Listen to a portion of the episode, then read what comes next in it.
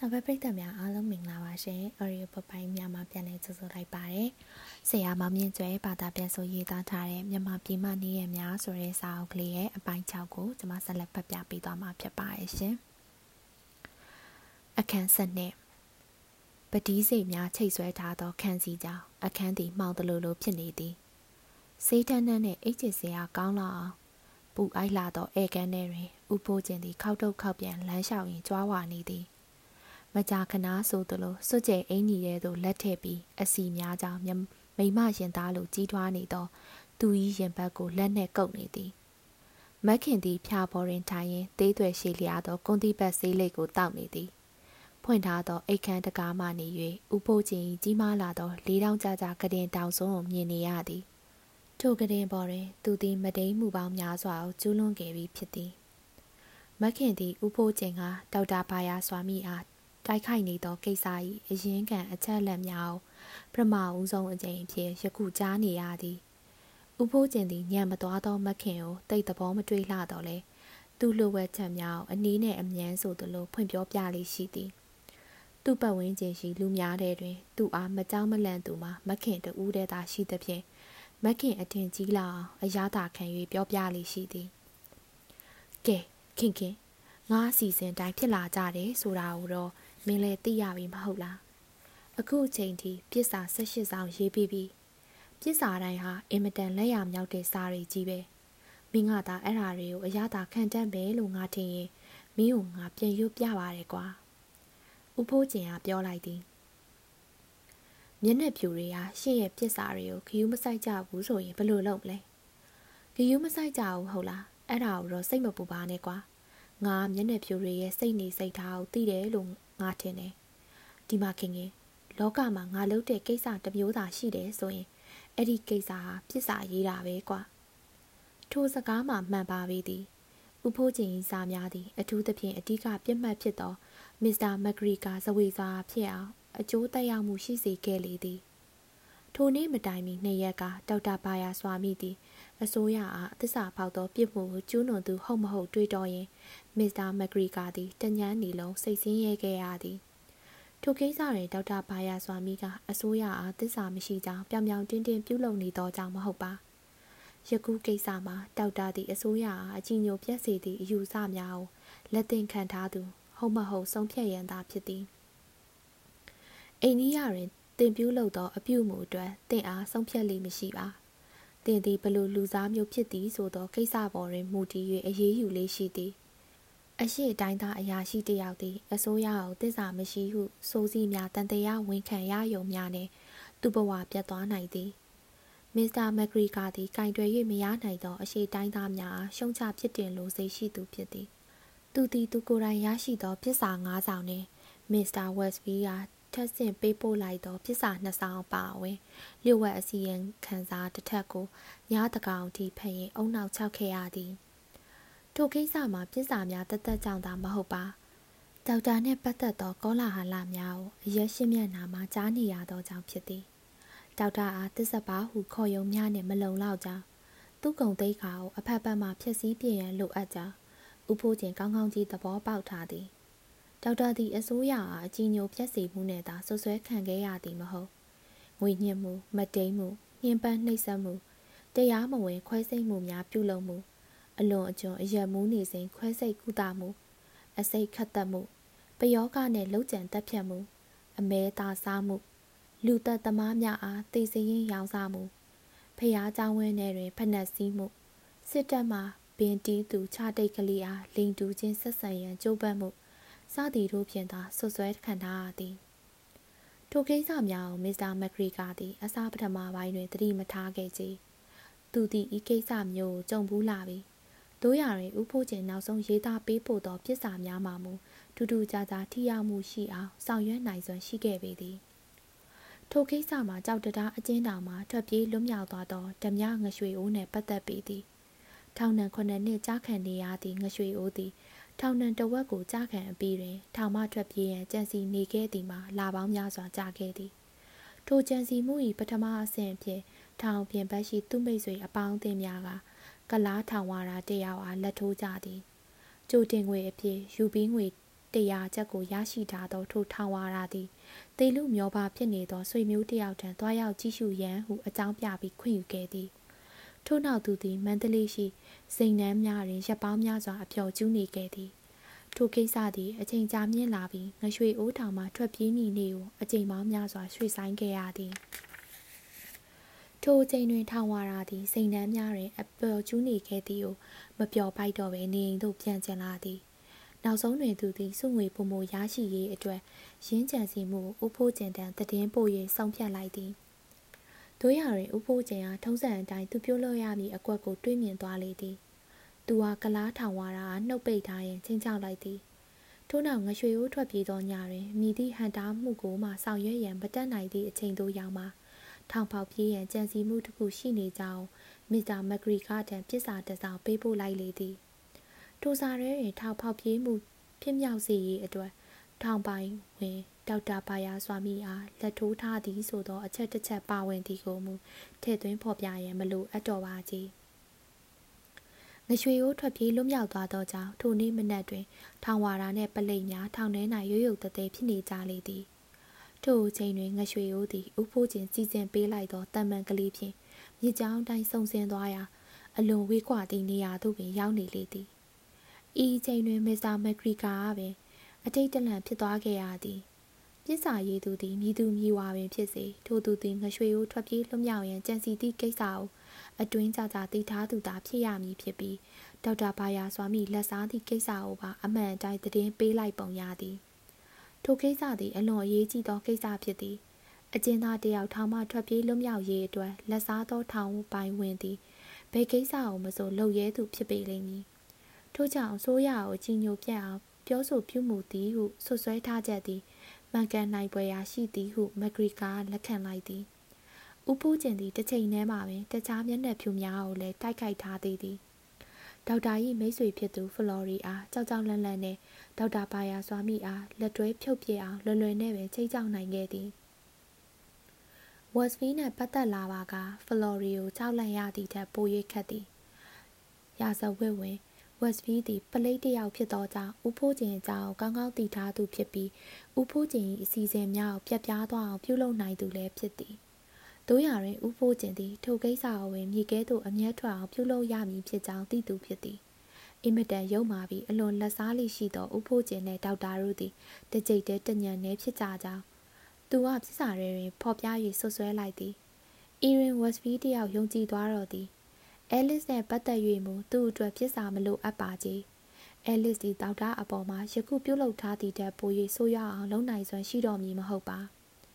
ဥဖိုးကျင်သည်မျက်နှာပြူမျိုးသမီးများ၏အရေးပါမှုကိုသိရှိသောကြောင့်မစ္စလက်ကာစတင်ထံသို့လည်းပြစ်စာတစ်စောင်ပို့လိုက်သေးသည်ထိုစာထဲတွင်ဒေါက်တာဘာယာစွာမိသည်မျက်နှာပြူမှများအားမြောက်ပေးနေကြောင်းဖော်ပြထားသည်ထိုစာထဲတွင်အသေးစိတ်ဖော်ပြမထားပါဖော်ပြရင်လည်းမလိုပါ ဥဖိုးကျင်သည်မစ္စလက်ကာစတင်၏ပြော့ကွက်ကိုအကိုင်အပိုင်ကိုင်းလိုက်ခြင်းဖြစ်သည်သူမ၏စိတ်ထဲတွင်အစိုးရကိုအကြည်ညိုပြက်စီမှုအမျိုးသားစိတ်သက်နှိုးကြမှုတော်လှန်မှုဟုံမီယူစသောဟောဝါဒများနှင့်ဆက်ဆက်၍သူမသည်တိုင်းရင်းသားများ၏မတိန်ကျင့်မှုကိုခံရလိမ့်မည်ဟုတွေးကြောက်နေသူဖြစ်သည်တခါတရံတွင်သူမသည်ထိုကြောက်စိတ်ကြောင့်ညတွင်အိမ်မပျော်နိုင်ပဲဖြစ်ခဲ့ရသည် မျက်နှာဖြူများဒေါက်တာပါယာစွာမိအားမြင်များတွင်လေးစားစေကမူ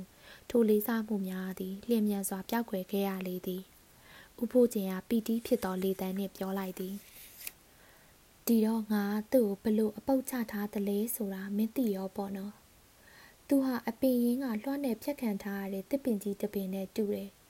တစ်ချက်ကလေးတို့လိုက်ရုံနဲ့ပြိုလဲသွားမှာပဲငါသုံးဘက်အတွင်းမှာသူ့ဝုန်းကနေပြိုလဲသွားအောင်တို့လိုက်မယ် ဘလို့လုပ်မှာလဲငါအဲ့ဒါကိုပြောပြမလို့ပါမင်းသိတဲ့အချိန်ရောက်ပြီလို့ငါထင်တယ်မင်းကဒီလိုကိစ္စတွေမှာအသိဉာဏ်မရှိဘူးဒါပေမဲ့မင်းကနှုတ်လုံးတယ်သုံးကွာရွာနာမှာတပုံထမလို့လို့ဖြစ်နေတယ်ဆိုတဲ့တဲ့ကိုမင်းကြားတယ်မဟုတ်လားကြားတယ်အဲ့ဒီရွာသားတွေဟာတိတ်မိုက်ကြတာပဲသူတို့ကကလားစစ်သားတွေကိုဓားရီလှန်တွေနဲ့ဘယ်အန်တုနိုင်မှာမလဲသူတို့တွေသာတရိษံရိုင်းတွေလိုပြတ်တက်ခံကြရမှာဟုတ်တာပေါ့ တိုက်ပွဲသာဖြစ်ပြီးဆိုရင်သွေးချောင်းစီးသွားမှာပဲဒါပေမဲ့အဲ့ဒီလူတွေဟာအင်မတန်အယူသီးတဲ့လေသမားတွေပါသူတို့ဟာသူတို့ကိုဝေငှထားတဲ့ကြီးကအင်ကြီးတွေကိုတုံးပြီးတိတ်ပြီးယုံနေကြတယ်ငါအဲ့ဒီလိုမသိနားမလဲတဲ့သူတွေကိုယွန်းတယ်တနာစရာကောင်းတဲ့လူတွေပဲရှင်ဘာဖြစ်လို့သူတို့ကိုမတားတလဲကိုဖို့ချင်းရှင်ဘသူကိုမှဖမ်းစရာစီးစရာမလိုပါဘူးအဲ့ဒီရွာကိုသွားပြီးမင်းတို့အကြံစီကိုငါသိတယ်လို့ရွာသားတွေကိုပြောလိုက်ရုံပဲ ဒါဆိုရင်သူတို့ဆက်ပြီးလှုပ်ရဲကြမှာမဟုတ်ဘူးအေးလီငါတားကျင်နေဆိုရင်တော့တားနိုင်တာပေါ့ဒါမဲ့ငါမတားပါဘူးငါမှလည်းအကြောင်းပြစရာတွေရှိတယ်အဲ့ဒါငါကိုယ်တိုင်စီစဉ်ထားတဲ့ပုံကံမှုကိုခင်ခင်မင်းဒီကိစ္စကိုတော့နှုတ်လုံပါစေကွာငါကိုယ်တိုင်စီစဉ်ထားတာကွာဘာပြောလဲမခင်ဤလက်ထဲကဆေးဘောလိတ်လွတ်ကျသွားသည်၎င်း၏မျက်လုံးများသည်လည်းအစမတန်ပြူးကျဲသွားသည်မခင်အလွန်ထိတ်လန့်ပြီးပြုံးကနေပြောချလိုက်သည် ကိုဖိုးချင်းရှင်ဘာတွေပြောနေရလဲရှင်တကယ်ပြောနေတာမဟုတ်ပါဘူးနော်ရှင်ကတပုံထားဖို့လုပ်တယ်ဆိုတာမဟုတ်နိုင်ပါဘူးဟုတ်ပါတယ်ကွာတော်တော်ကလေးလည်းအောင်မြင်နေပါတယ်ငါရန်ကုန်ကခေါ်လာတဲ့မျက်လက်စရာဟာတော်တော်တော်တဲ့ပုံကိုပဲသူကအိန္ဒိယတနိုင်ငံလုံးကိုလှည့်ပြီးစက္ကန့်မှာမျက်လက်ပြခဲ့တဲ့သူကြည်ကအင်ကြီးတွေကိုတော့တထဲကိုယူပြီးငွေတစ်ချက်ရှစ်ပဲနဲ့ white way နဲ့ late law စတိုးဆိုင်တွေကဝယ်ခဲ့တာ အဲ့ဒါအတွက်ငါပတ်စံတော်တော်ကုန်သွားတယ်ကွာဒါပေမဲ့ကိုဖိုးချင်ရဲ့ရှင်ကပုံကန်တော့ပါလားတိုက်ပွဲတွေဖြစ်တာခတ်တာတွေဖြစ်ကြမယ်တနာစရာကောင်းတဲ့လူတွေအများကြီးသိကြမယ်ရှင်ယူများသွားလို့လားယင်တနတ်ဖြစ်ခံရမှာကိုရှင်မကြောက်ဘူးလားလမ်းလျှောက်နေတော့ဥဖိုးကျင်ကတက်ငနေရက်သွားသည်သူအံ့အားတင်သွားသည်ဘလို့လဲမိမရဲ့မင်းကဘလို့တွေးနေလို့လဲငါအစိုးရကိုပုံကန်လိုက်မယ်လို့ထင်နေသလားဖះကြီးမဟုတ်ပါဘူး ငါအဲ့ဒီပုံကန်မှုကိုပြစ်မြောက်အစပြိုးပေးလိုက်တယ်လို့ပြောတာပါငါကိုယ်တိုင်ပါဝင်မှာလို့မဟုတ်ပါဘူးဟိုရွာသားအယူနှမ်းတွေဟာသူတို့အသက်ကိုစွန့်ကြမှာပါငါမဟုတ်ပါဘူးဘာစိန်တဲ့တခြားတယောက်နှစ်ယောက်ကလွှဲရင်အဲ့ဒါနဲ့ငါနဲ့ပတ်သက်တယ်ဆိုတာကိုဘယ်သူမှသိကြမှာလို့တွေးမိကြမှာလည်းမဟုတ်ဘူးဒါမဲ့ရှင်ပြောတော့ရှင်ကအဲ့ဒီလူတွေကိုပုံကန်အောင်မြှောက်နေပေးတာဆိုဟုတ်တယ်လေငါဒေါက်တာဘာယာစွာမီယာအစိုးရကိုပုံကန်လိုက်မယ်လို့ဆွဆွဲထားတယ် ဒီတော့ငါပုံကန်မှုတစ်ခုကိုမတွေ့တွေ့အောင်ရှာပြရတော့မှာပေါ့ဟုတ်တယ်မဟုတ်လားอืมဟုတ်ပြီပုံကံမှုဖြစ်လာတဲ့အခါကျတော့ရှင်ရဒေါက်တာစွာဘာယာစွာမီကိုအဲ့ဒီပုံကံမှုအတွက်အပြစ်ဖို့မယ်ပေါ့အဲ့ဒါပဲမဟုတ်လားမင်းကတော်တော်နှိမ့်ကြွတာပဲငါအဲ့ဒီပုံကံမှုနှိမ့်နှင်းပြစ်ဖို့အတွက်တမင်ပုံကံအောင်လုပ်ပါတယ်လို့ဘသူကထင်ကြတော့မှလဲငါပုံကံမှုဖြစ်အောင်တမင်မြောက်ပေးတယ်လူလေ ပထမပိုင်းမှာငါအဲ့ဒီသုံးခွာအယူတွေကိုတပုံထအောင်ဖျားယောင်းသွေးဆောင်တယ်နောက်ပိုင်းကျတော့ငါကပဲသူတို့ကိုတပုံဖြစ်နေဖမ်းလိုက်မယ်ပုံကံမှုကြီးစမဲ့အချိန်မှာငါခေါင်းဆောင်မှန်သမျှကိုဖန်စီပြီးထောင်ချပြစ်လိုက်မယ်လူအ ਨੇ ချင်းလောက်သေးပြီးတချို့ကျွန်းကိုအပိုးခံရလိမ့်မယ်ဒါပေမဲ့လောလောဆယ်မှာတော့ငါအဲ့ဒီကိစ္စမှာအဓိကပုဂ္ဂိုလ်ပဲအင်မတန်အနေရရှိတဲ့ပုံကံမှုကြီးကိုအချိန်မီနှိမ်နှင်းပေးနိုင်တဲ့ဥဖို့ကျင်ငါဟာဒီခရိုင်မှာလူစွမ်းကောင်းကြီးဖြစ်ရမယ် ဥဖို့ကျင်သည်သူ့အစီအစဉ်ကိုခုံယူရင်းလက်နှစ်ဖက်နှောက်ပြေး၍ပြုံးပြုံးကလေးနဲ့အခန်းထဲတွင်ခောက်တုတ်ခောက်ပြန်လမ်းလျှောက်နေသည်မက်ခင်သည်ထိုအစီအစဉ်ကိုခိတမြကြအောင်တိတ်တိတ်ဆိတ်ဆိတ်နဲ့သုံးသက်ကြည့်လိုက်ပြီးသည်နောက်ရှင်ဘာဖြစ်လို့ဒီလိုလှုပ်နေသလဲဆိုတာကျမနားမလည်ဘူးကိုဖို့ချင်းအဲ့ဒါဘလို့ဖြစ်လာမှလဲပြီးတော့အဲ့ဒါဒေါက်တာဘာယာဆွာမီနဲ့ဘလို့များပတ်သက်နေလို့လဲငါမင်းကိုပညာတတ်အောင်သင်ပေးလို့ရတော့မှာမဟုတ်ပါဘူးခင်ခင်ရဲ့ ဒေါက်တာဘာယာဆွာမီဟာငါတက်လန်းမှာကန့်လန့်ကန့်လန့်လုံနေတယ်လို့အစတည်းကမင်းကိုပြောခဲ့ပြီးပြီပုံကံဘူးဆိုတာသူ့ကိုရှင်းပြမဲ့ကိစ္စအေးလီအဲ့ဒီကိစ္စနဲ့ပတ်သက်ပြီးသူ့မှာတာဝန်ရှိတယ်လို့တို့ကတသက်ပြစရာမလိုဒါပေမဲ့အဲ့ဒါကလည်းတိတ်အရေးမကြီးပါဘူးမျက်နှာဖြူတွေအားလုံးကအဲ့ဒီကိစ္စမှာသူဟာတနည်းတစ်ပုံပတ်သက်နေတယ်လို့ထင်သွားကြမှာပဲသူတို့အုံနောက်တွေကအဲ့ဒီလိုအလုံးလုံးနေကြတာသူ့ဘဝတစ်သက်လုံးပျက်စီးသွားနိုင်မယ် သူကြဆုံးရင်ငါတက်ရမှာပေါ့ငါသူ့ကိုပို့ပြီးဆိုးရအောင်လုပ်ပြီးနိုင်လေလေငါပို့ပြီးအဆင့်အတန်းမြင့်လာလေလေဖြစ်မှာပေါ့ကဲမင်းအခုနားလေပြီမဟုတ်လားဟုတ်ကဲ့ကျမနားလေပါပြီပြီးတော့လေဒီကိစ္စဟာအင်မတန်ရုံးမှာပတ်သက်တဲ့အကြံစီလို့ကျမထင်တယ်ကျမကိုပြောပြရတာရှင်မရှက်ဘူးလားဘလို့လဲခင်ခင်မင်းကအဲ့ဒီပေါက်တက်ခရတွေကိုနောက်တစ်ကြိမ်ပြန်စပြီးပြောတော့မလို့လားကိုဖိုးချင်း ရှင်ဘာဖြစ်လို့မကောင်းမှုတွေကိုလုပ်ရမှာပျော်နေရတာလဲရှင်လုံးသမျှဟာသူ့တပားအတွက်မကောင်းတဲ့ကိစ္စတွေကြီးပဲဘာဖြစ်လို့ဖြစ်နေရတာလဲအလုတ်ကထုတ်ပစ်ခံရမယ်ဟိုဆရာဝန်တနက်နဲ့အပြစ်ခံရမယ်ရွာသားတွေကျိန်နဲ့အရိုက်ခံရမယ်သူတွေတသက်လုံးထောင်ချခံရမယ်လူတွေကိုရှင်တွေးကြည့်ဖို့ကောင်းတယ်အဲ့ဒီလိုဟာမျိုးတွေကိုလှုပ်ဖို့လိုအပ်လို့လားရှင်ချမ်းသာနေပြီပဲဥစ္စာဘာဖြစ်လို့ပတ်စံထက်လို့ကျင်နေရတာလဲပတ်စံဟုတ်လား ဘသူကပတ်စံအကြောင်းပြောနေလို့လဲဒီမှာမျိုးသမီးမင်းတနေ့ကျရင်လောကကြီးမှာပတ်စံအပြင်တခြားဟာတွေရှိနေသေးတယ်ဆိုတာသဘောပေါက်လာလိမ့်မယ်ဥပမာကြောက်စောခိတ်တိရှိခြင်းကြီးကျယ်မြင့်မြတ်ခြင်းဆိုတာမျိုးတွေပေါ့ဗျာအဲ့ဒီကိစ္စနဲ့ပတ်သက်ပြီးမြန်မာနိုင်ငံရဲ့ဘီရင်ကန်ဟာငါရှင်ဘတ်ပေါ်မှာစုတစိတ်တခုခုချိတ်ဆွဲပေးလိုက်မယ်လို့မင်းမထင်မိဘူးလားမင်းကအဲ့လိုခုံရှိတာမျိုးကိုခုံမယူတော့ဘူးလားအထင်မကြီးသောမက်ခင်ကကောင်းခါလိုက်သည် ကုတ်ဖိုးချင်းရှင်အသက်တထောင်နေရမှာမဟုတ်ဘူးဆိုတာရှင်ဘယ်ချိန်ကြမှာနားလည်မှာလဲရုပ်ရုပ်မာမာနဲ့အသက်မွေးခဲ့တဲ့လူတွေဘာဖြစ်သွားသလဲဆိုတာကိုစဉ်းစားကြည့်စမ်းတရိษံဘဝကိုရောက်သွားကြမယ်ငရဲမှာခံစားရလိမ့်မယ်ငရဲဆိုတာတိတ်ကြဖို့ကောင်းတယ်လို့ဘုန်းကြီးဟောဘူးတယ်အဲ့ဒါတွေကိုတွေးကြည့်ရင်ကြောက်စရာမကောင်းဘူးလားကိုဖိုးချင်းကိုဖိုးချင်းဟာရီပြီးလက်နဲ့ဝေယံပြလိုက်သည်အေးလေ နောက်ဆုံးအချိန်ရောက်တဲ့အခါကျရင်ရှင်ရီနိုင်ပါစေလို့ကျမဆုတောင်းပါတယ်ဒါပေမဲ့ကျမကတော့အဲ့ဒီဘဝမျိုးကိုပြန်မတွေးချင်ပါဦးဖိုးကျင်ကအခန်းထဲတွင်ခောက်တုတ်ခောက်ပြန်လမ်းလျှောက်နေစဉ်မခင်သည်စေးဘောလိတ်ကိုမီးပြန်ညှိလိုက်ပြီးတပုံးမကြဟန်နဲ့ကြောပေးထားလိုက်သည်ဥဖိုးကျင်ကပြန်စကားပြောလိုက်တော့အခါပို၍လေးလေးနက်နက်ပြောလိုက်သည်တာမကရှက်ရွံ့ရွံ့လေတံမျိုးပင်ပါနေပုံရသည်ဒီကိစ္စနောက်ွယ်မှာတီးပြင်အကြောင်းတစ်ခုရှိသေးတယ်ခင်ခင် တီးပြင်လူတွေနဲ့မင်းကိုတခါမှမပြောပြရသေးတဲ့ကိစ္စပဲဘာစိန်တော့မသိသေးဘူးဒါပေမဲ့မင်းကိုတော့ငါအခုပြောပြမယ်အဲ့ဒီကိစ္စကပို့ပြီးဆိုးရရုံမာတဲ့ကိစ္စဆိုရင်ကျွန်မမကြားချင်ဘူးမဟုတ်ပါဘူးအခုကိစ္စနဲ့ပတ်သက်ပြီးငါရွယ်ချက်အမှန်ကဘာလဲလို့မင်းကမေးထားတယ်လေငါဘာယာစွာမိကိုပြက်စီးအောင်လုပ်နေတာဟာလက်ပေးလက်ယူမှုကိုဆက်စုပ်ယွန်ရှာတဲ့သူ့အယူအဆနဲ့သူ့ကိုမကြိုက်လို့လုပ်နေရဲလို့မင်းထင်တယ်မဟုတ်လား ဒါတွေမကသေးပါဘူးကွာမင်းနဲ့ငါတို့အတွက်ပိုပြီးအရေးကြီးတာတခုရှိသေးတယ်အဲ့ဒါဘာလဲမင်းပိုပြီးအဆင့်တန်းမြင့်တဲ့နေရာကိုရောက်ချင်စိမ့်မရှိဘူးလားခင်ခင်ငါတို့ကဘလောက်ပဲအောင်မြင်မှုရှိရှိအရင်နေထားတိုင်းမယ်လို့မင်းမထင်ဘူးလားငါနှစ်သိန်းလောက်ချမ်းသာတယ်လို့ပြောရဲပါတယ်ဒါပေမဲ့ငါတို့နေရတဲ့အနေထားကိုပဲကြည့်ပါဦးဒီခန့်ကိုကြည်စမ်းလေသမားတယောက်ရဲ့အိတ်ခမ်းတက်ပိုပြီးမကောင်းငါဟာစိတ်ပြက်စရာကောင်းလာတဲ့မျိုးပိုင်တယောက်လို့အ င်မတန်ညံပြင်းပြီးဆင်းရဲတဲ့မြမလူမျိုးတွေနဲ့ပဲဆက်ဆံနေရတာလက်ချောင်းတွေနဲ့ထမင်းစားနေရတာကိုညီးငွေလာပြီဝေရှိယုံနဲ့တင်မလုံလောက်ဘူးကွာလောကကြီးမှာငါလည်းအဆင့်တန်းမြင့်ကျင်သေးတယ်ပို့ပြီးအထက်တန်းကြတဲ့ဘဝအောင်မင်းမတောင်းတဘူးလားအခုကျမတို့မှာရှိနေတာထက်ပို့ပြီးလိုချင်တယ်ဆိုတာမျိုးကျမတို့မတွေးတတ်တော့ပါဘူးရွာမှာအဖြူဘဝနဲ့နေရတော့ငါအခုလိုအိမ်မျိုးနဲ့နေရလိမ့်မယ်လို့ကျမတခါမှမတွေးမိခဲ့ဘူးဟိုအင်္ဂလိပ်ကလပ်ထိုင်တွေကိုကြည့်ပါဦး ကျမဘဝမှာအဲ့ဒီကလပ်ထိုင်တွေပေါ်မှာတခါမှမထိုင်ခဲ့ရဘူးဒါပေမဲ့အဲ့ဒီကလပ်ထိုင်တွေပိုင်ဆိုင်ရတဲ့အတွက်ကျမဂုဏ်ယူတယ်อืมမင်းပါဖြစ်လို့အဲ့ဒီရွာခွာလာခဲ့တယ်လေခင်ခင်မင်းဟာခေါင်းပေါ်မှာရေအိုးကလေးရွက်ပြီးရေရင်းနှစ်ပေးမှာမတက်ရရင်အတင်းပြောနေတာလောက်နဲ့ပဲထိုက်တယ်နဲ့ငါကတော့ပို့ပြီးကြီးပွားခြင်းနဲ့စိတ်ရှိတယ်အခုငါကဘာယာစွာမိကိုဘာဖြစ်လို့ဒီလိုလုပ်နေသလဲဆိုတာကိုပြောပြမယ် ငါစိတ်ထဲမှာအင်မတန်ကြီးကျယ်တဲ့ကိစ္စတစ်ခုလုပ်ချင်စိတ်ရှိတယ်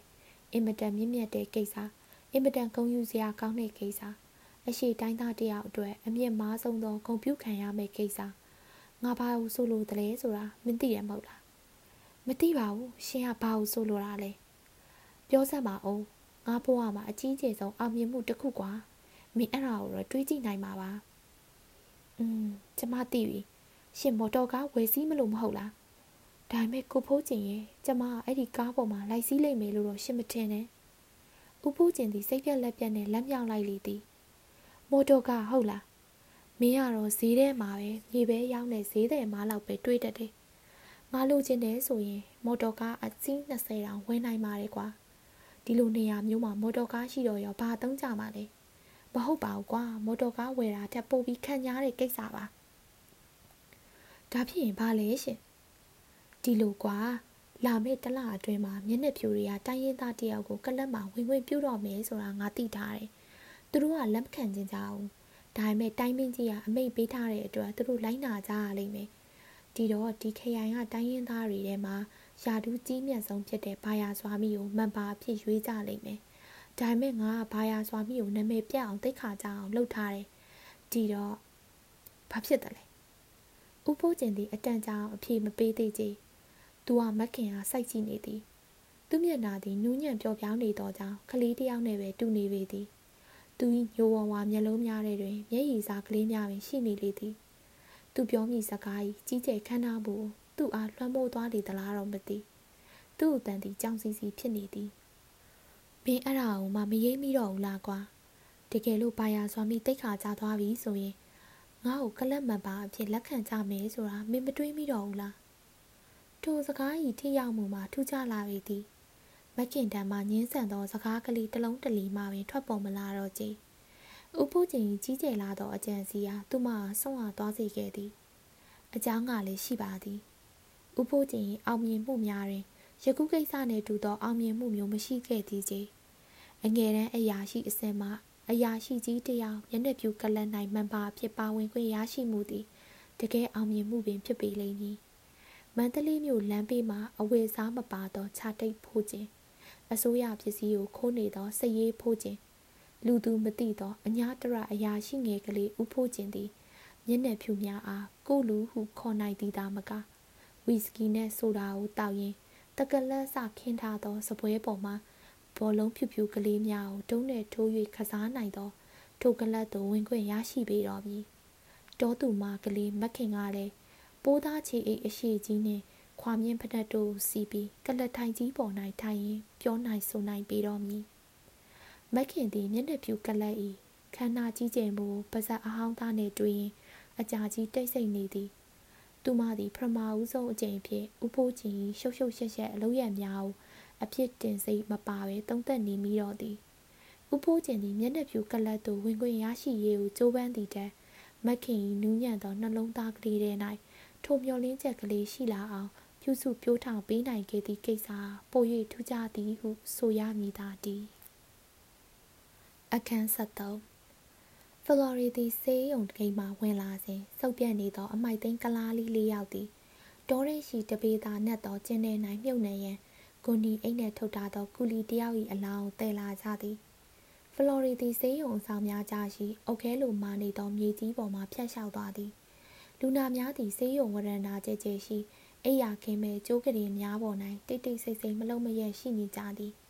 အိမ်ငိုက်နေသောခွေးလေခွေးလင်းတချို့နှင့်မိမိကိုယ်ပေါ်မှခွေးတန်းများကိုပြန်၍ဟပ်နေကြသောခွေးဝဲစားများအဆောက်အုံများအကြားမှာထိုနေရာတစ်ခုလုံးသည်ညစ်ပတ်နန်းစော်နေသည်ဒေါက်တာဘာယာစွာမီသည်ဆေးရုံကိုတန်ရှင်းနေအောင်အထူးစူးစမ်းပါတော့လေဖုန်တူမှုရေရှားမှုတန်ရှင်းသမားများ၏အပြင်းထူမှုနှင့် အရေးချင်းမပြေဝသောလက်ထောက်ဆရာဝန်များနဲ့သာစကန်သွားနေရမှုစသည်တို့ကြောင့်အောင်မြင်အောင်ဆောင်ရွက်နိုင်စွမ်းမရှိကြဒေါက်တာသည်ပြင်ပလူနာခန်း၌ရှိနေကြောင်းဖလော်ရီယာပြောလိုက်သည်ထိုအခန်းတွင်စပွဲတစ်လုံးနှင့်ကလတ်တိုင်းနှလုံးသားရှိပြီးနေရန်ပေါ်၌ဝီတိုရီယာဘီရင်မာကြီးဖုန်တက်နေသောဓာတ်ပုံတစ်ပုံရှိသည်စုပ်စုပ်ပြက်ပြက်ဝတ်ဆင်ထားသောမြန်မာလူမျိုးတောသူတောင်းသားများသည်အခန်းထဲသို့ဝင်လာပြီးစပွဲပေါ်စပွဲရှိတွင်စီတန်း၍မတက်ရက်နေကြသည် ရှေးညီတာဝတ်ထားသောဒေါက်တာဘာယာစွာမိသည်ချွေးတလုံးလုံးနှင့်ဖြစ်နေသည်သူသည်ဝမ်းသာအားရအတန်ဖြူလိုက်ပြီးသည့်နောက်ထိုင်ရာမှခုန်ထားလိုက်သည်ထို့နောက်ပြာကြီးပြာတာလှုပ်တက်သောသူ့ပုံစံအတိုင်းလွတ်နေသောကလတ်ထိုင်၌ဖလော်ရီယာထိုင်ခိုင်းလိုက်ကအန်ဆွဲထဲမှစီကရက်တန်ဘူးတပူကိုဆွဲထုတ်လိုက်သည်တိတ်ဝမ်းသာစရာကောင်းတဲ့အလဲလာမှုပါပဲမစ္စတာဖလော်ရီခမ ्या ကိုတက်တောင့်တက်တာဖြစ်အောင်လှုပ်ပေးရတဲ့အတွက်ဝမ်းမြောက်ပါတယ်လေ အဲ့လေဒီလိုနေရာမျိုးမှာတက်တောင့်တက်တာနေလို့ရနိုင်မယ်လို့ဆိုရင်ပေါ့ဗျာအဲ့ဒီနောက်တော့ကျုပ်အိမ်မှာစားတောက်ဖွယ်ရာဘီယာရမကာတွေနဲ့စကားပြောကြရအောင်လူနာတွေကိုကြည်ပေးနေတော့မှတော့ခွင့်လွတ်ပါဗျာဖလော်ရီယာထိုင်ချလိုက်ရာချက်ချင်းချွေးထွက်လာပြီးရှန်အင်းကြီးကိုဆိုးရွှဲသွားစေတော့သည်အခန်းထဲရှိအပူရှိန်ကအသက်ရှူကျက်လာအောင်ပူအိုက်နေသည်တောသူတောသားများ၏ပွင့်ညင်းပေါင်များမှာချစ်သွန်ဖြူနှံ့များတထောင်းထောင်းထွက်နေသည် စပွဲစီသို့တယောက်ရောက်လာသည့်အခါတိုင်းဒေါက်တာသည်ကလထိုင်ပေါ်မှခုန်ထားလိုက်ပြီးလူနာ၏ကြောဟုခောက်သည်ရှင်ဘက်ကိုနှစ်ချက်နဲ့ထောက်သည်ကိုယိုကာယာမြန်မာစကားနှင့်မိကုံးများကိုတရက်ဆက်မိသည်ထို့နောက်စပွဲစီသို့ပြန်လာပြီးစိစာကိုရေးတော်သည်လူနာများသည်စိညွှန်းစာရွက်ကိုကန်၍ခြံဝင်းသို့ဖြတ်တန်းကာကွန်ပေါင်တာထံသို့သွားကြသည်ကွန်ပေါင်တာကသူတို့အားအယောင်မျိုးမျိုးဆိုးထားသောဆေးပလင်းများကိုပေးလိုက်သည် အစိုးရကွန်ပေါင်တာအားတလားနေလာကားအဖြစ်ရူပီးငွေ25ကျပ်သာပေးထားသောကြောင့်သူသည်ဆေးများကိုရောင်း၍သူ့ဝမ်းစာကိုရှာနေရရှာသည်သို့သောဆရာဝန်ကြီးသည်ထိုကိစ္စကိုမသိရှာချေစဆရာဝန်ကြီးသည်နနက်ခင်းထဲတွင် အများအားဖြင့်ပြင်ပလူနာများကိုကြီးစုစစ်ဆေးနိုင်ပေးနိုင်ခြင်းမရှိပါထို့ကြောင့်ပြင်ပလူနာများအားကြီးစုရန်လက်ထောက်ဆရာဝန်တယောက်အားလွှဲအပ်ထားသည်လက်ထောက်ဆရာဝန်စံသက်နီမှာအလွန်တိုတောင်းသည် သူကလူနာတိုင်းကခက်လွယ်လွယ်မေကုံမေးလေးရှိသည်ဘမနာရလဲကောင်းလားကြော့လားဝမ်းပိုက်လားအဖြစ်ရသည့်အခါကြိုတင်ရေးသားထားပြီးသုံးပုံပုံထားသောစေးစာအညွှန်းများအနက်တပုံမှစာရွက်တရက်ကိုယူပေးလိုက်သည်လူနာများသည့်ထိုစနစ်ကိုဆရာဝန်ကြီး၏စမ်းသပ်နည်းတက်ပို၍သဘောတူကြသည်ဆရာဝန်ကြီးသည်သူတို့အားကာလာသားယောဂါရှိမရှိလူကြီးလူကောင်းမပီသားစွာမေးမြန်းလေးရှိသည်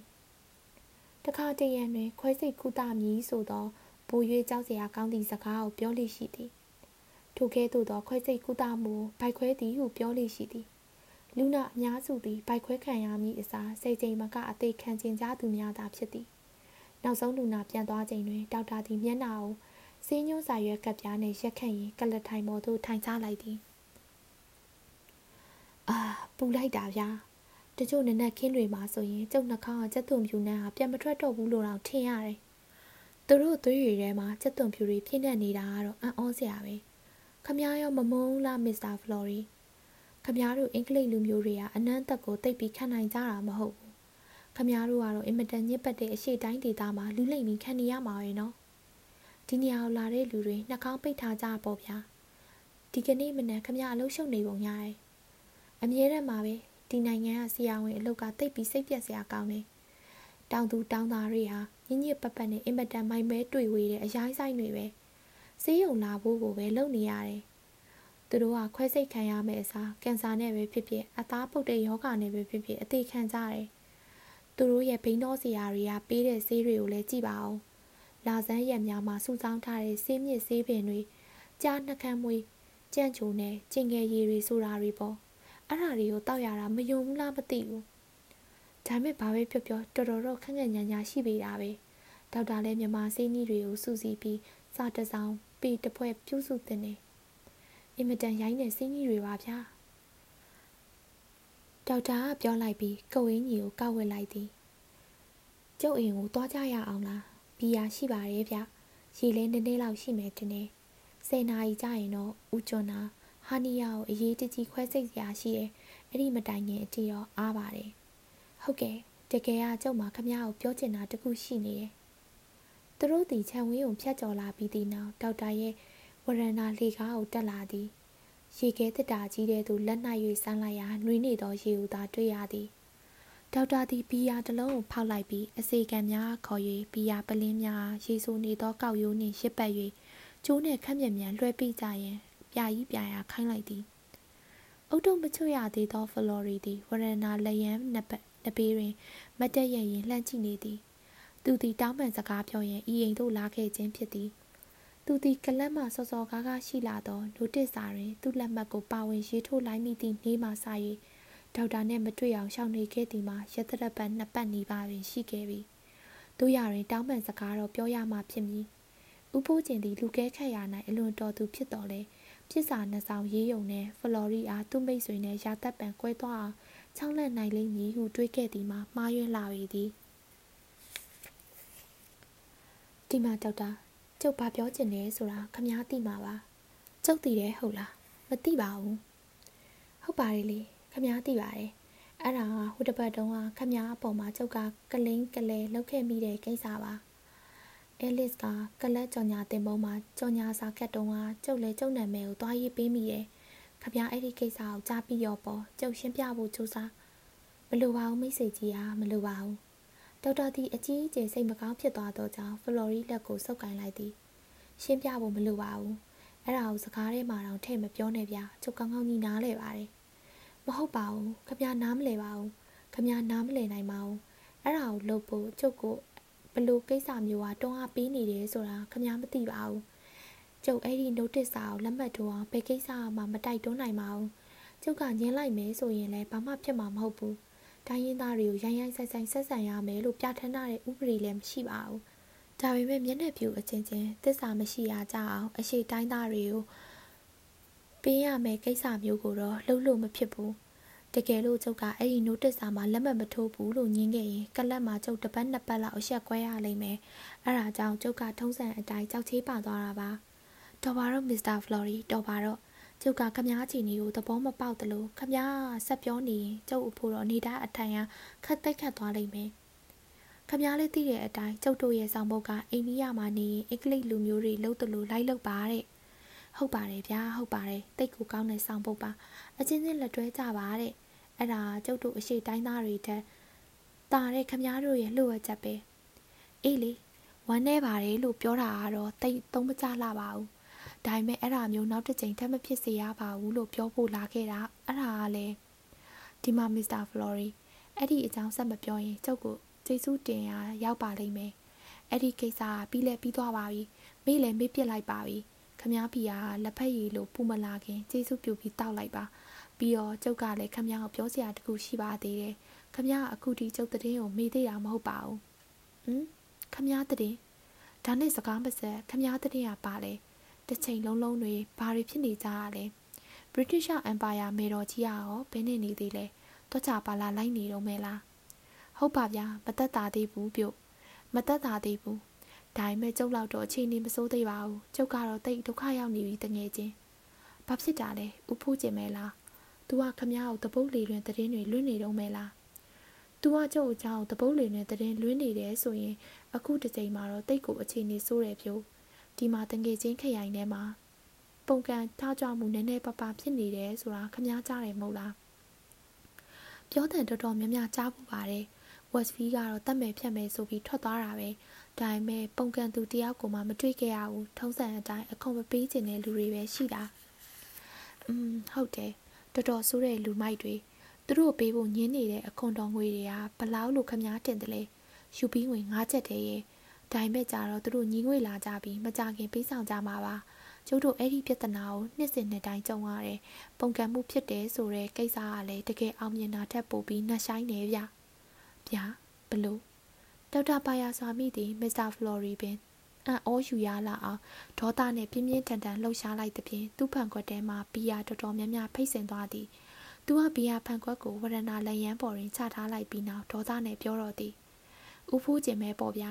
ပါဇက်ကတော့ပြောမထွက်ရဲလာအောင်ဆိုတဲ့လူဆိုးကြီးပေါ့လူစိတ်ပြောက်နေတဲ့မိချောင်းကြီးပြီးတော့သူကအခုဘာလုပ်ဖို့ကြံစီနေပြန်တာလဲဗျဤရင်ဒေါက်တာပါယာစွာမိသည်ဥဖိုးကျင်မခင်အားရှင်းပြခဲ့သည့်အတိုင်းဥဖိုးကျင်အကွက်စင်ထားသောပုံကံထားကြမှုအကြောင်းရှင်းပြသည်သူမသိသေးသောအသေးစိတ်အချက်အလက်မှာမျက်နှာဖြူကလတ်သို့မန်ပါအဖြစ်ဝင်ခွင့်ရလိုသောဥဖိုးကျင်ဆန္ဒပေသည်ဒေါက်တာ၏မျက်နှာသည်ဒေါသကြောင့်ညီမြန်းနေသည်ဟုပြော၍မဖြစ် တို့ရရင်ဒေါသကြောင့်ပို၍နှက်မှောင်သွားသည်ဖလော်ရီသည်အံ့အားသင့်သွားသောကြောင့်ဆက်၍မတ်တက်ရန်နေမိတော့သည်တော်တော်ကောက်ကျစ်တဲ့နှက်ဆိုသူ့ကိုယ်ထဲမှာအဲ့ဒီစိတ်ထားမျိုးရှိနေတယ်လို့ဘသူကထင်ပါလဲဒါပေမဲ့ခမအဲ့ဓာတွေကိုဘလို့သိလာရတယ်လဲอืมကျုပ်စီမှာမိတ်ဆွေအနေချင်းတော့ရှိပါသေးတယ်။ तू ကကျုပ်ကိုဘလို့ဖြက်စီးအောင်လုပ်နေတယ်ဆိုတာခမသိပြီနော်။လောလောဆယ်မှာ तू ကကျုပ်ကိုတပုတ်လေလွင်ပြောပြီးဘယောညာရောတွဲနေပြီ အဲ့ဒီပုံခံထားကြမှုကြီးတာပေါ်လာရင်ကျုံနဲ့ပတ်သက်တယ်လို့ထင်ရအောင်သူကနီးမျိုးစုံနဲ့လှုပ်လိုက်အောင်ပဲ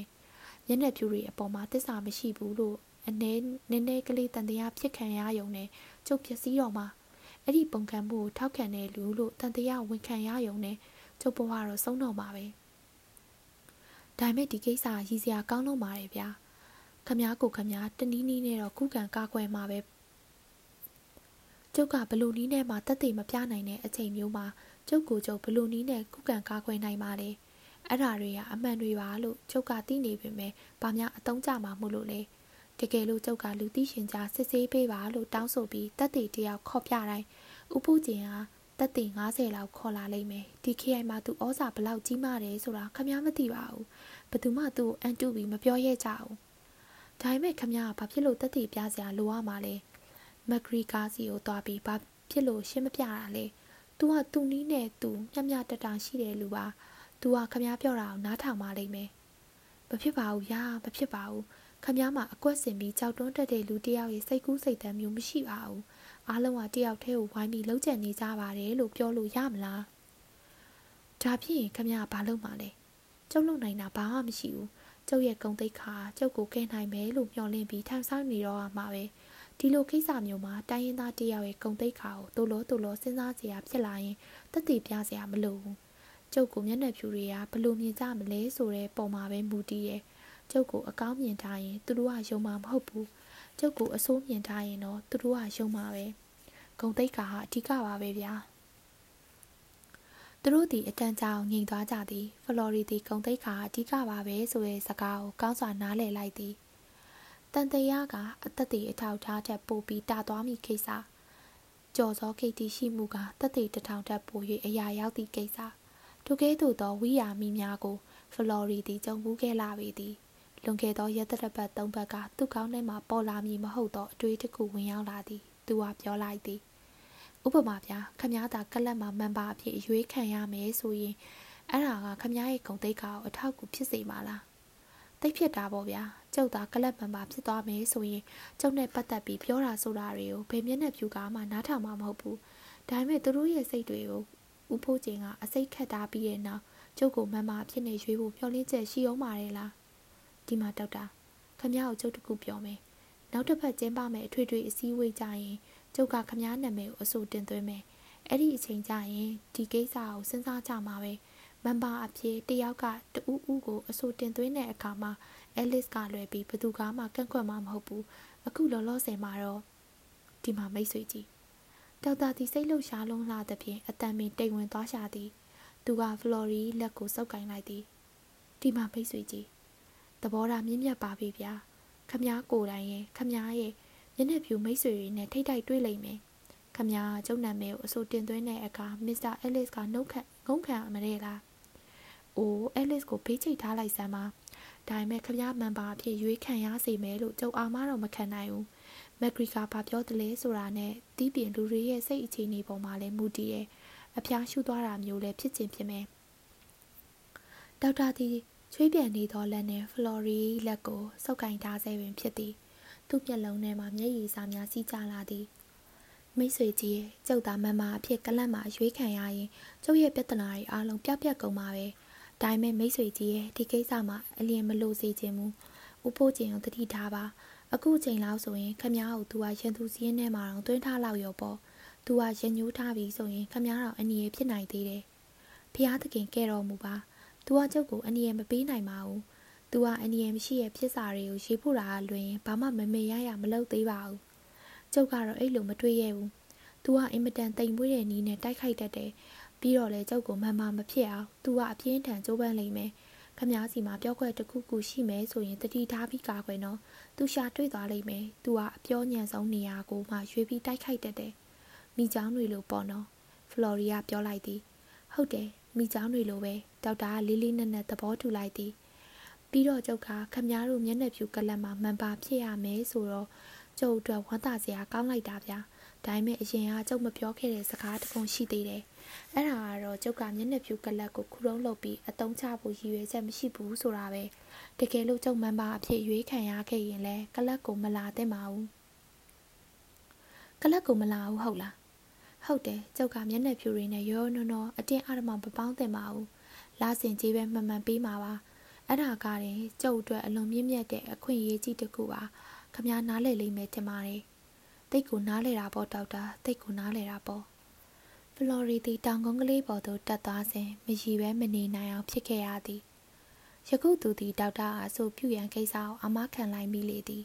ထိုကိစ္စကိုကြားသိသွားသည်နဲ့တပြိုင်နက်တခြားမျက်နှာဖြူများနဲ့ကတောက်ကစားဖြစ်ရပေတော့မည်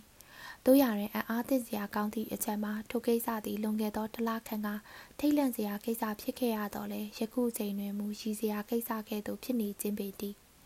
သူဟာအဖေကြောင့်တတိဂတိပေးခဲ့မိပါလေသည်။ ထိုကိစ္စမှာအသေးဖွဲများသာဖြစ်သည်။အန်နီရဲ့နင်းငယ်များသာရှိသည်။ရဲရဲတောက်ဆောင်ရဲချက်လည်းမဟုတ်။တို့တိုင်အောင်ထိုကဲ့သို့အာမခံခဲ့ခြင်းသည်သူ့ပုံစံမျိုးမဟုတ်ချေ။သူသည်နှစ်ပေါင်းများစွာမျက်နှာဖြူသခင်တယောက်လိုကျင့်သုံးခဲ့ပြီးမှအပေကြောင့်ထိုစည်းကမ်းများကိုဖောက်ဖျက်ခဲ့ရသည်။ဘာကြောင့်ဆိုတာကိုသူသိပါသည်။သူ့ဘဝထဲသို့ရောက်လာသောအဲလစ်ဘတ်သည်သူ့ဘဝမှာအလွန်စိတ်မချမ်းမြေ့နှင့်စရာနှစ်ပေါင်းများစွာကိုခဝါချပေးလိုက်သလိုပြောင်းလဲပစ်လိုက်သောကြောင့်ပေသည် ဖလော်ရီတီလွန်ခဲ့သောနှစ်တွေဟာငါဘာရီရှောက်လုံနေခဲ့မိပါလဲဟုတွေးရင်ပန်းချံတကားဝမှဝင်လာခဲ့သည် သူဝမ်းသာနေမိသည်သူတော်စင်တွေကလွတ်မြောက်ရာလမ်းစာကိုရှာတွေ့နိုင်ကြောင်းဘဝကိုအသစ်တပံပြန်စားနိုင်ကြောင်းဟောပြောခဲ့ကြတာတွေကမှန်ကန်ပါသည်ဟုသူတွေးမိသည်သူသည်လမ်းကလေးတိုင်းလျှောက်လာခဲ့သည်မကြာခင်ကေးကမွေရဲ့မြေကိုလွှမ်းဆွတ်တန်းတာပြီးညီငွေချင်းမျိုးစုံနဲ့လွှမ်းခြုံနေခဲ့ရသည်ဟုသူထင်မှတ်ခဲ့သောသူ့နေအိမ် သူ့ပန်းချမ်းသူ့အစီကံများနဲ့သူ့ဘဝတစ်ခုလုံးသည်ယခုမှတစ်လွင်တောက်ပြောင်ပြီးထူးထူးခြားခြားလှပနေတော့သည်ထိုအလှပများကိုသူသည်တဦးတယောက်နဲ့ခွဲဝေခန်းစားနိုင်မည်ဆိုတာကမိမြပြောစရာကောင်းနေမည်နီသူသည်တယောက်တည်းမဟုတ်ပါကဤနိုင်ငံတွင်မိမြပြောစရာကောင်းနေမည်နီနီရိုဟုအမည်ပေးထားသောကြက်ဖာကြီးသည်စိတ်များကိုအစာကျွေးရန်တဲသွားသောမာလီလက်ထဲမှကြကြံရစ်ခဲ့သည့်စပားစီကလေးများကိုနေကျဲကျဲပူနေသောလမ်းပေါ်တွင်လိုက်ကောက်စားနေသည် ဖလိုကနီရိုအားလိုက်ဟန်နေရာနီရိုသည်အတောင်ပံကိုတစ်ပြက်ပြက်ခတ်လိုက်ပြီးဖလော်ရီပခုံးမော်တွင်တွာလာတော့သည်ဖလော်ရီသည်ချက်ဖာကိုလက်နှင့်ပုတ်တန်ရင်အိမ်ထဲသို့ဝင်သွားသည်ဖလော်ရီဝရဏာပေါ်သို့ခြေမချသေးခင်အိမ်ထဲမှမလှမီရောက်နေကြောင်းသိလိုက်ရသည်ကိုဆန်လာမျက်နှာပုတ်တူးတူးနှင့်သူ့ထံသို့အပြေးလွှားလာရင်မလိုပါကရမတ်နဲ့ကြက်သွန်ဖြူနဲ့အုံးစီနဲ့နဲ့မလမီစပင်၌ပန်ထားသောစပယ်ပန်းနှန်းတို့ရှူလိုက်လာသောကြောင့်ဖြစ်သည် ဖလော်ရီဒီနီရိုကဝရဏလက်ရန်ပေါ်တွင်ချပေးလိုက်သည်ဟိုမိမပြန်လာတယ်ကိုဆန်လာပြောလိုက်သည်ဖလော်ရီမျက်နှာသည် ဖြူဖြူဖွေးသွားသည် သူ့မျက်နှာဖြူသွားသောအခါမျက်နှာပေါ်မှအမှတ်ကြီးသည်ပို၍အကြည့်ရဆိုးလာသည်ဖလော်ရီဦးနှင့်အသေးတဲ့သို့ရေခဲတမျှအေးဆက်နေသောဓာသွားနှင့်အထိုးခံလိုက်ရသလိုဖြစ်သွားသည်မလမေသည်အိတ်ခမ်းတကားဝမှထွက်ပေါ်လာသည် သူမသည်မျက်လွှာကြရင်ငုံထားသောမျက်ခုံးများအောင်မှလှမ်း၍ကြည့်နေသည် သခင်မလမေကအောက်တိုးတိုးလေတံနှင့်ခတ်တိုးတိုးအရေးတကြီးခေါ်လိုက်သည်တော်ဆန့်ကွာဖလော်ရီကကိုဆန်လာကိုနှင်လွတ်လိုက်သည်သူ့ဒေါသနှင့်အထိတ်တလန့်ဖြစ်နေသောစိတ်တို့သည်ကိုဆန်လာဘက်သို့ဥတီ၍တားကြလေတော့သည်သခင်အိတ်ခမ်းထဲကိုလာပါကျွန်မပြောစရာရှိရဲ့ဖလော်ရီသည်အိတ်ခမ်းထဲသို့သူမနောက်မှဝင်လိုက်သွားသည်တပတ်အတွင်းမှာပင်သူမ၏အသွင်မြင်သည်ထူးထူးခြားခြားပြောင်းလဲလာသည်သူမ၏သပင်သည် စီတန်တန်ဖြစ်နေပုံရသည်သူမတွင်လောကက်သီးများလုံးဝမရှိတော့သူမသည်နှစ်ချက်နှင့်ရှစ်ပဲသာပေးနေရသောမန်ချက်စတာပွင့်ရိုက်ချီလုံးကြီးကိုသာဝတ်ထားသည်မျက်နှာကိုပေါင်တာနှင့်ခက်တူတူလိမ့်ထားသဖြင့်လူပြက်မျက်နှာနှင့်တူနေသည်သူမသည်စုပ်ပြက်ညစ်ပတ်နေသည်ဖလော်ရီသည်သူမနှင့်မျက်နှာချင်းမဆိုင်ပဲဖွင့်ထားသောတကားပေါက်မှတဆင်ဝရဏာကိုလှမ်းကြည့်နေသည်မင်းကဘာသဘောနဲ့ဒီကိုပြန်လာတာလဲဘာဖြစ်လို့ရွာအောင်မပြန်တာလဲ ကျမကြောက်တရားမှရှိတယ်ဝမ်ခွေးဆွေမျိုးအိမ်မှာနေတယ်အခုလိုဖြစ်ပြီးတဲ့နောက်မှာကျမရွာကိုဘယ်လိုလုပ်ပြန်ရမှာလဲပြီးတော့မင်းကဘာသဘောနဲ့ငါးစီကိုလူလွတ်ပြီးငွေတောင်းခိုင်းရတာလေလွန်ခဲ့တဲ့ရက်သက်ပတ်ကမင်းကိုငါငွေတရာပေးခဲ့ပါရဲ့နဲ့ဘာဖြစ်လို့ငွေထပ်လို့ကျင်ရတာလဲကျမကရွာကိုဘယ်လိုပြန်ရမှာလဲသူပြောသည့်စကားကိုအလေးမထားပဲမလှမီကပြောလိုက်သည်သူမ၏အတန်မှာရုတ်တရက်ကျဲလောင်သွားသောကြောင့်ဖလော်ရီကအနောက်ဘက်သို့လှည့်လိုက်သည် သူမသည်မျက်နှာစုပုပ်ပုံနဲ့နှကန်းကိုဆူထားပြီးမျက်မှောင်ကျုပ်ကခက်မက်မက်ရက်နေသည်မင်းကဘာဖြစ်လို့မပြန်နိုင်ရမှာလဲရှင်ကျမကိုအခုလိုလှုပ်ပြီးမှပြန်ရမှာလားပြုံးကလေးမလှမေသည်ဒေါသပုံထတော့သည်သူမ၏အတန်သည်ဈေးထဲမှဈေးထဲမှများရံဖြစ်သည့်အခါအော်ကြီးဟစ်ကျဲပြောသည့်လေတံနှင့်တူလာသည်ကျမကြည့်မရတဲ့တောသားအဆုပ်ပလုတ်တွေဟာလက်ညှိုးငေါငေါထိုးပြီးလှောင်ပြောင်ခံရမှာကိုကျမကပြန်ရမှာလား ဘိုးကတော့ဖြစ်ခဲ့ဘူးတဲ့ကျမကျမအဖေအိပ်ပြန်ပြီးတော့အယုတ်ဆိုးလွန်းလာတဲ့လင်းတောင်မရနိုင်တဲ့အပြိုကြီးတွေနဲ့အတူစပားလှည့်နေရမှာလားရှက်စရာကောင်းလိုက်တာရှင်နှစ်နှစ်လုံးလုံးကျမဟာရှင်မယားဖြစ်ခဲ့ပါတယ်ရှင်ကျမကိုချစ်ခဲ့ပါတယ်အဲ့ဒီနောက်အကျိုးအကြောင်းရဲလို့မပြကြိုပြီးတော့လဲတတိမပေးပဲနဲ့ရှင်ကကျမကိုခွေးတကောင်လိုတကားဝအောင်ကန်လွတ်လိုက်တယ်ပတ်စံလည်းမရှိလက်ဝက်လက်စားတွေနဲ့ပိုးလုံးကြီးတွေလည်းမရှိတော့တဲ့ကျမကိုလူတွေကလက်ညှိုးငေါငေါထိုးပြီး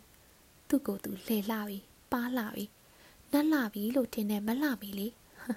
အခုတော့သူ့မျက်နှာဖြူတွေကသူတို့လုံနေကြပုံစံအတိုင်းလှုပ်လှွတ်လိုက်ပြီလို့ပြောကြမှာပေါ့ကျမဘွားတော့ပျက်စီးပါပြီရှင့်အိမ်မှာနှစ်နှစ်တောင်နေခဲ့ရတဲ့ကျမကိုဘလို့လူကလက်ထက်ယူမှလဲရှင်ဟာကျမရဲ့အပြိုရည်ကိုဖျက်ဆီးခဲ့တယ်ရှက်စရာကောင်းလိုက်တာရှင်ရှက်စရာကောင်းလိုက်တာဖလော်ရီတီသူမအောင်မကြည့်ရဲပါမျက်နှာဖြူဖက်ဖြူရောနဲ့မလုတ်တက်မကင်တက်ဖြစ်နေသည် သူမပြောလိုက်သောစကားလုံးနိုင်သည်လဲတရားမျှတမှုရှိပါပေသည်ဖလော်ရီဘက်ကလည်းယခုသူလှုပ်လိုက်သောပုံစံမျိုးတည်းတံပလုတ်ပေးနိုင်တော်သောကြောင့်မလမီနားလည်အောင်မိကဲသို့ပြောရပါမည်နီသူမအားချစ်သူအဖြစ်ဆက်လက်ထားရှိပါကဒူးစိရိုက်မှုတစ်ခုကိုကျွလွန်နေသည်နဲ့ပဲတူကြောင်းမိကဲသို့ရှင်းပြရမည်နီသူသည်မလှမီနှစ်ပေမှကြောက်ကြောက်နှင့်တွန်းဆုတ်သွားမိတော့သည်သူ၏အမှတ်ကြီးသည်မျက်နှာပေါ်တွင်မှင်နှက်ပတ်ထားသလိုထင်းချင်းကြီးပေါ်လာသည် သူကငွေကြောင်လိုလျောက်ပြောလိုက်မိသည်မလှမီကိုငွေနဲ့ချော့ရရသည်သားဖြစ်သည်မင်းကငါငွေထပ်ပေးမယ်မင်းတောင်းထားတဲ့ငွေ90ရမယ်နောက်ကျရင်ထပ်ပေးအောင်မယ်နောက်လာမတိုင်ခင်အထိငါးစီမှာပတ်စံမရှိတော့ဘူးအမှန်ပင်ဖြစ်သည်မလှမီကပေးလိုက်သည့်ငွေတရားအပြင်ဝစ်စားဝင်ရန်သုံးဆွဲလိုက်သောကြောင့်အလွယ်သုံးရန်အစင်တင်ထားသောငွေများသည်ကုန်လူနီးပါးဖြစ်သွားလေသည်မလမီကအော်ကြီးဟစ်ကျဲငိုချလိုက်သောကြောင့်စူစိမ့်ညက်သွားသည်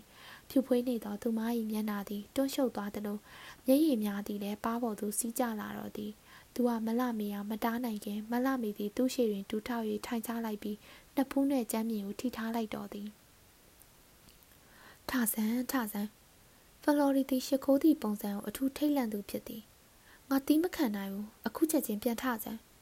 မလမီကဤကနေတစ်ချက်ထပ်ငိုလိုက်ပြီးသူ့ရဲ့ခြေချင်းဝက်ကိုလှမ်းကင်ရန်ကြိုးစားလိုက်ရာ ဖလော်ရီတီခမန်းနှံနောက်ဆုတ်လိုက်သည်ထဆန်းကွာနားမချမ်းသာအောင်အဲ့လိုငိုမနေနဲ့မိမဖြစ်လို့ငိုနေတယ်လဲဆိုတာငါမသိတော့ဘူးမလမီမတက်ပြန်မရက်ပါဒူးထောက်၍ကိုကိုမတ်လိုက်ပြီးဤကနေထပ်ငိုလိုက်ပြန်သည်ရှင်ကကျမကိုပတ်စံပေးမယ်လို့ဘာဖြစ်လို့ပြောရတာလဲကျမကပတ်စံအတွက်တသက်ပြန်လာတာလို့ထင်လို့လားရှင်ကျမကိုခွေးတကောင်လို့ရှင်အိမ်ကိုနှင်လွတ်လိုက်တော့ကျမဟာပတ်စံကိုပဲမတ်တယ်လို့ထင်လို့လားထဆန် ဖလော်ရီယာထပ်ပြောလိုက်သည်မလမေကဖန်ဆွဲမြေကိုစိုးရိမ်တော့ကြောင်းလင်းကားလက်နှောက်ထက်ဆုပ်လိုက်သည်ပတ်စံမဟုတ်ရင်မေကဘာလို့ကျင်သေးလို့လဲကျမကိုဘာဖြစ်လို့မုံရတာလဲမလမေကငိုပြန်သည်ကျမရှင်ကိုဘလို့ဒုက္ခပေးလို့လဲကျမရှင်စီကရက်ဘူးခိုးခဲ့ပါတယ်ဒါပေမဲ့ရှင်ကအဲ့ဒါကိုစိတ်မဆိုးပါဘူးရှင်အဲ့ဒီမျက်နှာဖြူမကိုလက်ထပ်မယ်ဆိုတာကျမသိတယ်လူတကာသိကြပါတယ်ဒါပေမဲ့ဘာအရေးလဲရှင်ကျမကိုဘာဖြစ်လို့ကန်ထုတ်ရတာလဲ ရှင်ကဘာဖြစ်လို့ကျမကိုမုန်းရတာလဲငါမင်းကိုမမုန်းပါဘူးငါရှင်းမပြတတ်တော့ထဆန်းပါကွာထပါမလမေသည်အရှက်ကြောက်ကင်းမဲ့စွာငိုနေလေတော့သည်ဘာပဲပြောပြောမလမေသည်လူလားမမြောက်သေးသောခလီကြီးတယောက်မျှသာဖြစ်ပေသည်မလမေသည်ဖလော်ရီတနာစိတ်ဝင်လာလိုဝင်လာညာမျက်ရည်များအကြားမှလှမ်းကြည့်လိုက်သည်ထို့နောက်မလမေသည်စိတ်ပြက်စရာကောင်းလောက်အောင်ကြမ်းမြင်ပေါ်တွင်ကိုကိုဆန်းဆန်းကြီးမှောက်ချလိုက်လေတော့သည်ထဆန်းပါကွာထဆန်း ဖလော်ရီသည်အင်္ဂလိပ်လိုអော်လိုင်းမိသည်ငါအဲ့ဒါမျိုးကိုကြည့်လို့မရဘူးတိတ်ရိုင်းတာပဲ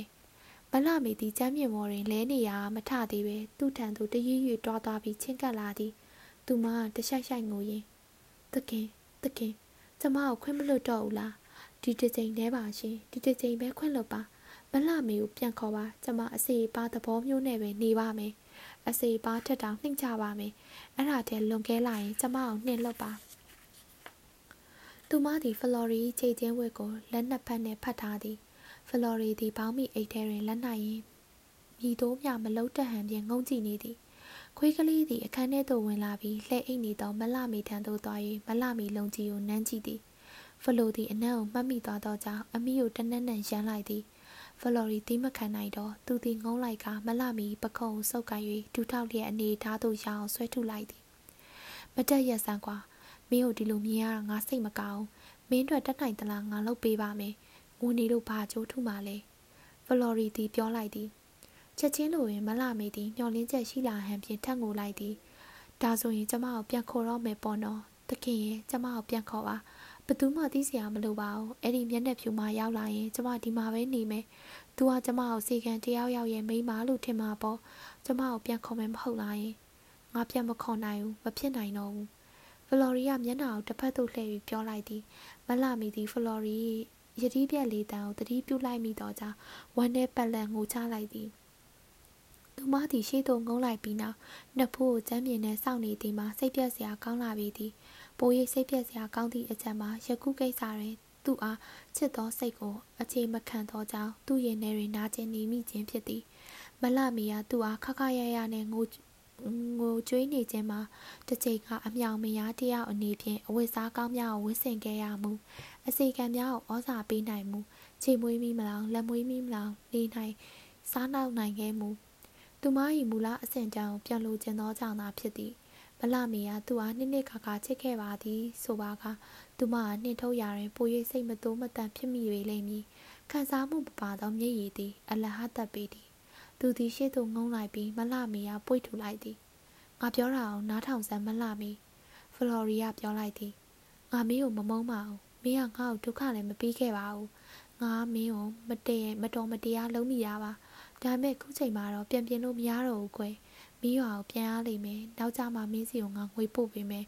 မင်းမသာဆန္ဒရှိမယ်ဆိုရင်ဈေးထဲမှာဆိုင်ဒီဇိုင်းဖွင့်ပေါ်မင်းကငယ်ပါသေးတယ်မင်းစီမှာသာငွေရှိရင်ခုကိစ္စအကြောင်းမဟုတ်ပါဘူး မင်းယောက်ျားတယောက်ကိုရှာလို့ရမှာပါကျမဘွားတော့ပြတ်ပါပြီရှင်မလမေကထက်၍ငိုပြန်သည်ကျမကိုကျမတက်သိမယ်ကျမမြစ်ထဲကိုခုန်ကြမယ်အခုလိုတိတ်ခါကြပြီးလူပြေမှာနေဖို့မကောင်းတော့ပါဘူးဖလော်ရီယာသူ့အားတယူတရပွေးဖက်လိုက်သည်သူမကလည်းဖလော်ရီနှင့်ပူကတ်နေသည်သူမကမျက်နှာကိုဖလော်ရီရှက်အင်းကြီးတဲ့နိုင်ကွဲဝဲထားသလိုတကိုယ်လုံးသည်လည်းငိုရှိုက်မှုကြောင့်တသိမ့်သိမ့်တုန်နေသည် ကရမတ်အနံ့ကသူ့နှာခေါင်းထဲသို့တိုးဝင်လာသည်သူမသည်ဖလော်ရီခန္ဓာကိုတိမ်ကျုံ၍ဖတ်ထားပြီးဖလော်ရီနှင့်ပူပူကက်ကက်နေခွင့်ရနေသောကြောင့်ဖလော်ရီအားပြန်လည်၍ဆွဲလွှမ်းမိုးနိုင်စွမ်းရှိလာလိမ့်မည်ဟုထင်နေသလောတော့မသိချေဖလော်ရီသည်သူမကိုဖြင်းညင်းစွာခွာထုတ်လိုက်သည်တော်လောက်ပြီမင်းခုသွားမှဖြစ်မယ်ကဲမင်းကိုငါပေးမယ်လို့ကတိပေးထားတယ်ငွေ90ကိုပေးမယ်သူသည်အဲ့ရအောင်မှယူနီဖောင်းတစ်တာကိုဆွဲထုတ်လိုက်သည် 30ရန်9ရက်ကိုထုတ်ယူလိုက်သည်မလနေမိသည်ငွေဆက်ကူများကိုအင်းကြီးရင်ပတ်တဲသို့ထိုးထွက်လိုက်သည်ကြာစင်းနေသောသူမ၏မျက်ရည်များသည်ပြုံးကနေရက်တန်သွားသည်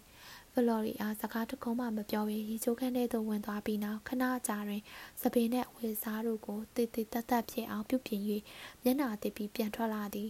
သူမသည်စူပုတ်ပုတ်ဖြစ်နေသေးတော့လဲသွေးယူသွေးတန်းပုံစံမျိုးတော့မရှိတော့ကြည်နောက်ဆုံးတစ်ကြိမ်မိဖုရားစီတခင်ကျမကိုပြန်မခေါ်တော့ဘူးလား ဒါစကားကုန်မဲလားဟုတ်တယ်ငါပြန်မခေါ်နိုင်တော့ဘူးဒါဆိုရင်ကျမသွားတော့မယ်တကင်ဖလော်ရီတီဝရန်နာမတစ်သားတုံးတိုင်ကိုကိုင်ရင်ကြဲကြဲတောက်ပူနေသောနေရောင်ကြီးထဲ၌ရှောက်သွားသောမလမေကိုလှမ်းကြည့်နေသည်မလမေသည်နာကြီးခံပြင်းသွားဟန်ဖြင့်ကိုခက်မက်မက်ထားပြီးဆက်လျှောက်သွားသည်သူမအဖြိုရည်ဖြအောင်လှုပ်ခဲ့သည်ဟုပြောသည်မှာမှန်သည်ဖလော်ရီဒူးနှစ်ပတ်သည်ထိန်ချုပ်၍မရနိုင်လောက်တဆက်ဆက်တုံလာသည် ကိုဆန်လာသည်ခြေတံမကြအောင်နောက်ဘက်ကချင်းကပ်လာသည်သူကဖလော်ရီတတိထားမိအောင်ချောင်းတစ်ချက်ဟန့်လိုက်သည်ဘာကိစ္စရှိလို့လဲကိုတော့မနှက်စာရီအေးကုန်ပါပြီငါမနှက်စာမစားချင်ဘူးတောက်စရာတခုခုချီယူခဲ့ကွာငါဖို့ဟာမှာငါဘာတွေရှောက်လို့နေမိပါလဲဟုဖလော်ရီယာတွေးနေမိသည်